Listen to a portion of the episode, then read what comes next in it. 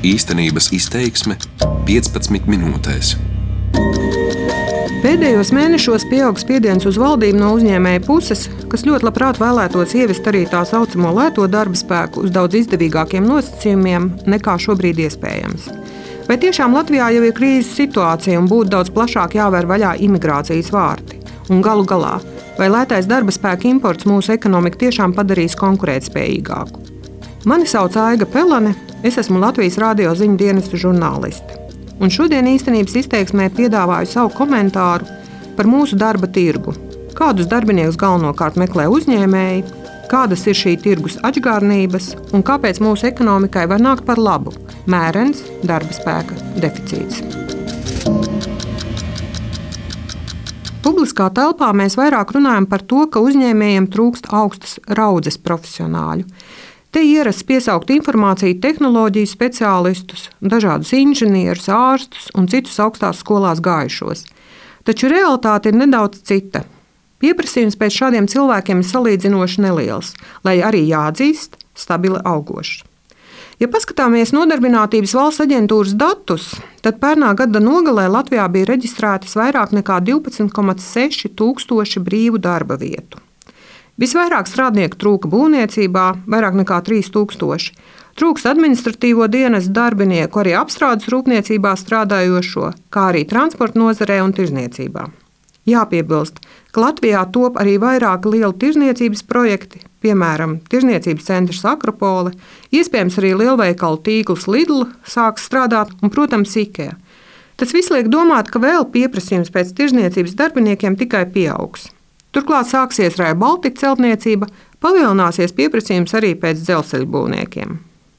Ir jāatzīst, ka tas ir tāds mūsu pašu kultivēts mīts, ka Latvijas uzņēmēja augstu veidot uzņēmumus ar ļoti augstu pievienoto vērtību, un tagad viņi sēž un kož pirkstos, jo nevar atrast sev darbiniekus. Nenoliedzami, ka arī šādu uzņēmumu Latvijā ir un top no jauna, un tā ir laba ziņa. Taču ne jau šiem uzņēmējiem ir lielākais kreņķis par darba spēku trūkumu.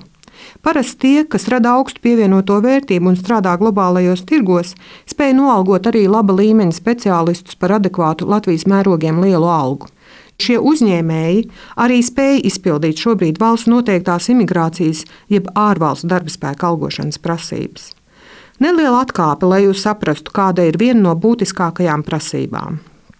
Tātad, lai šobrīd būtu iespējams oficiāli nodarbināt ārzemnieku, viņam ir jāmaksā kā minimums vidējā bruto darba samaksa valstī, vai šobrīd šādu atalgojumu kāds ir gatavs maksāt pārdevējiem vai vienkāršiem rūpnīcas strādniekiem un būvniekiem, kas trūks Latvijā.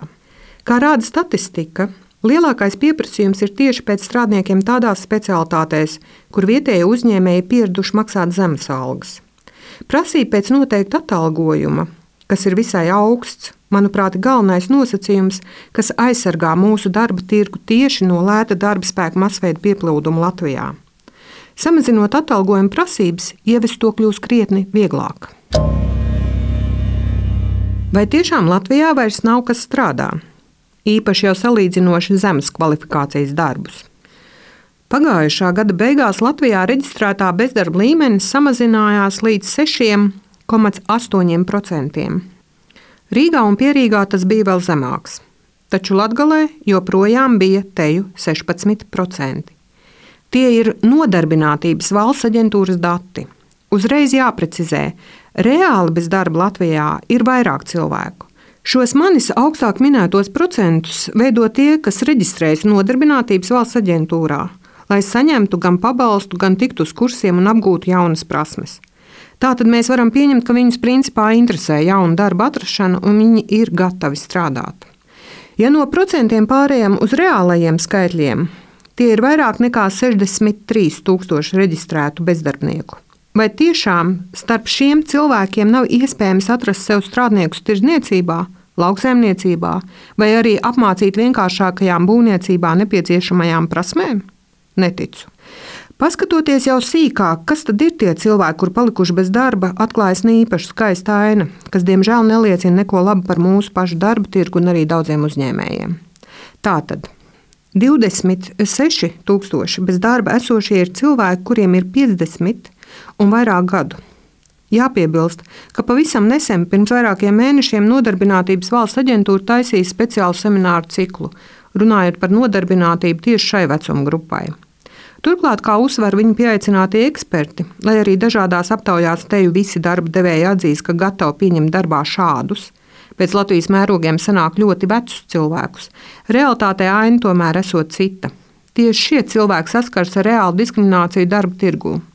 Nē, sarunās netiek minēts, ka viņi ir par vecu, bet gan tas, ka viņiem ir veselības problēmas, ka viņi tik ātri nespēja apgūt jaunas tehnoloģijas, un tiem piemīt citas lietas, kas neapmierina darba devēju.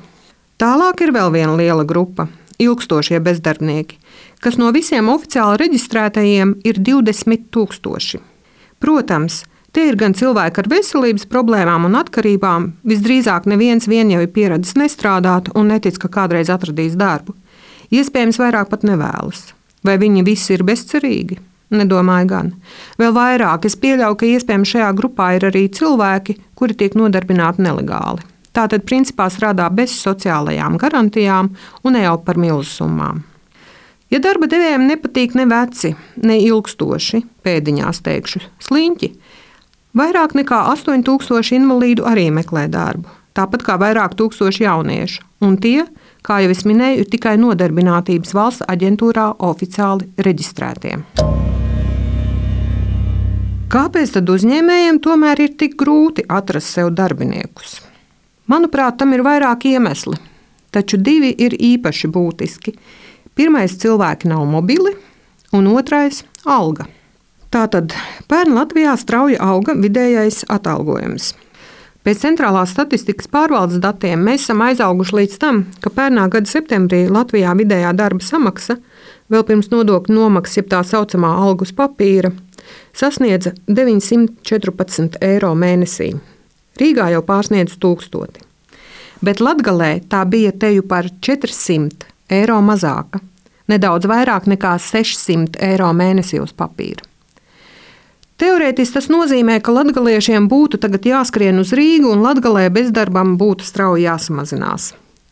Taču tas nenotiek, jo problēma ir tā, ka tajās profesijās, kur galvenokārt ir brīvās darba vietas, gan Latgalē, gan Rīgā ir salīdzinoši mazs atalgojums. Lai kļūtu mobils, nepietiek tikai darba vietu vien. Klāt jāpierēķina arī citas izmaksas. Vai nu par transportu, vai nu par dzīves vietu, kas tuvu darbam. Pirms apvainot kādu, nespējām mainīt savu dzīvi uz pozitīvo pusi, jeb nemobilitātē. Nedaudz parēķināsim. Īres cenas, par kādām var dabūt piemēram pieticīgu vienistabas dzīvoklīti Rīgā, ir ap 200 eiro mēnesī, plus komunālie maksājumi. Tātad sanāks visi 300. Vēl jāpēd, jāapģērbjas un arī jāpārvietojas. Ja vēl jāpalīdz reģionā palikušai ģimenei vai vecākiem, Beigās sanāk tāda vidējā latgalieša alga vai pat vēl lielāka summa. Tad kāpēc mainīt, ja dzīvot uz vietas sanāk vienkāršāk, ierastāk un visdrīzāk arī lētāk? Cik daudz uzņēmēju ir gatavi saviem darbiniekiem piedāvāt dzīvokli? Cik daudzi piedāvā kopmītnes vai dienesta viesnīcu un kādas tās ir? Mājoklis darbiniekam tās ir papildu izmaksas. Šeit es gribu atgādināt Valmieras pieredzi.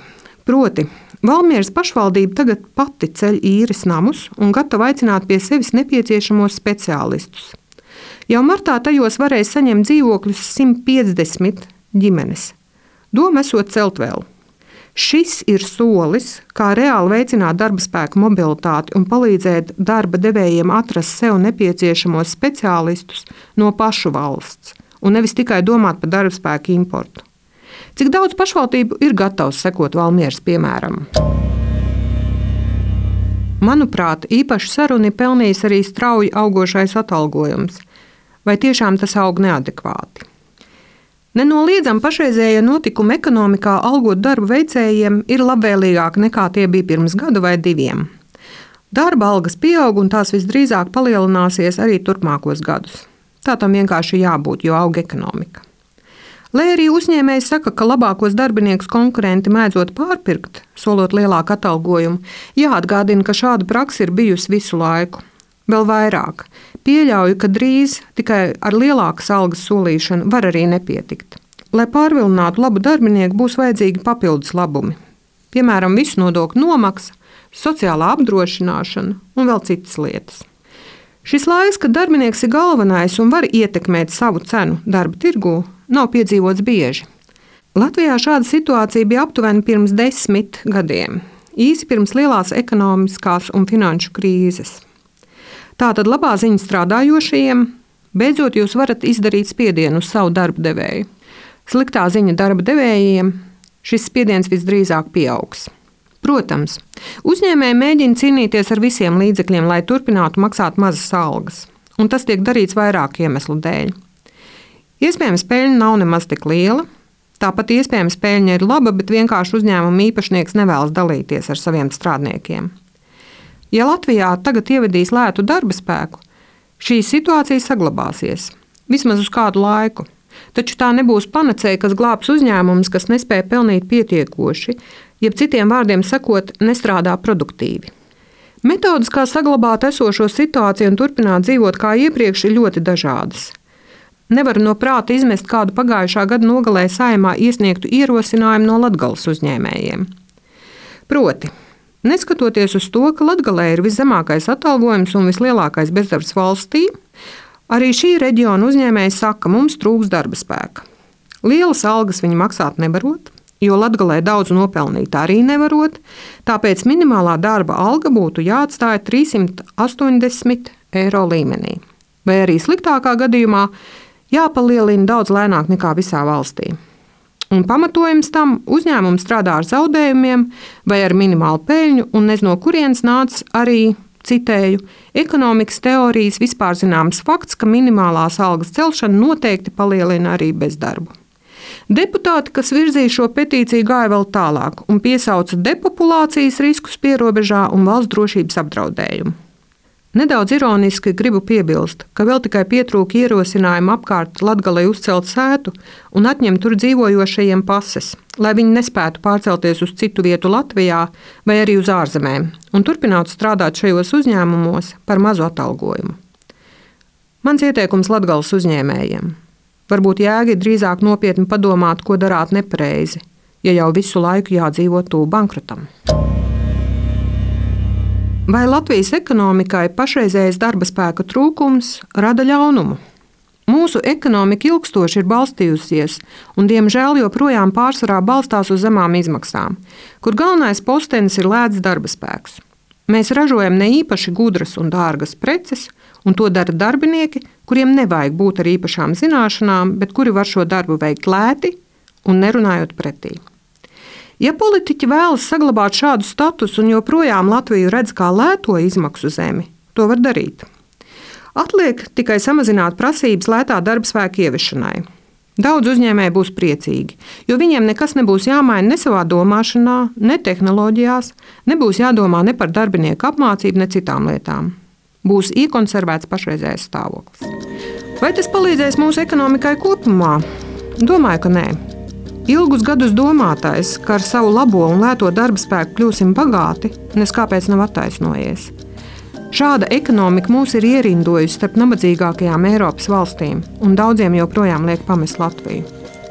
Ir jāatzīst, ka vismaz pat labā nekāda krīze vai akūts stāvoklis, kas būtu jārisina nekavējoties un kardināli, darba spēka tirgu nav iestājies. Jā, demogrāfiskā situācija nav Latvijai ilgtermiņā labvēlīga, un mēs jau varam sākt spekulēt ar dažādiem aprēķiniem, cik daudz darba roku, ja varbūt tomēr gudru galvu mūsu tautsājumniecībai trūks un cik kurā gadā vajadzēs piesaistīt no ārvalstīm. Taču pat labam mums vēl ir rezerve ar cilvēkiem, kas ir spējīgi veikt vismaz daļu no tiem darbiem, kurus šobrīd vajag uzņēmējiem.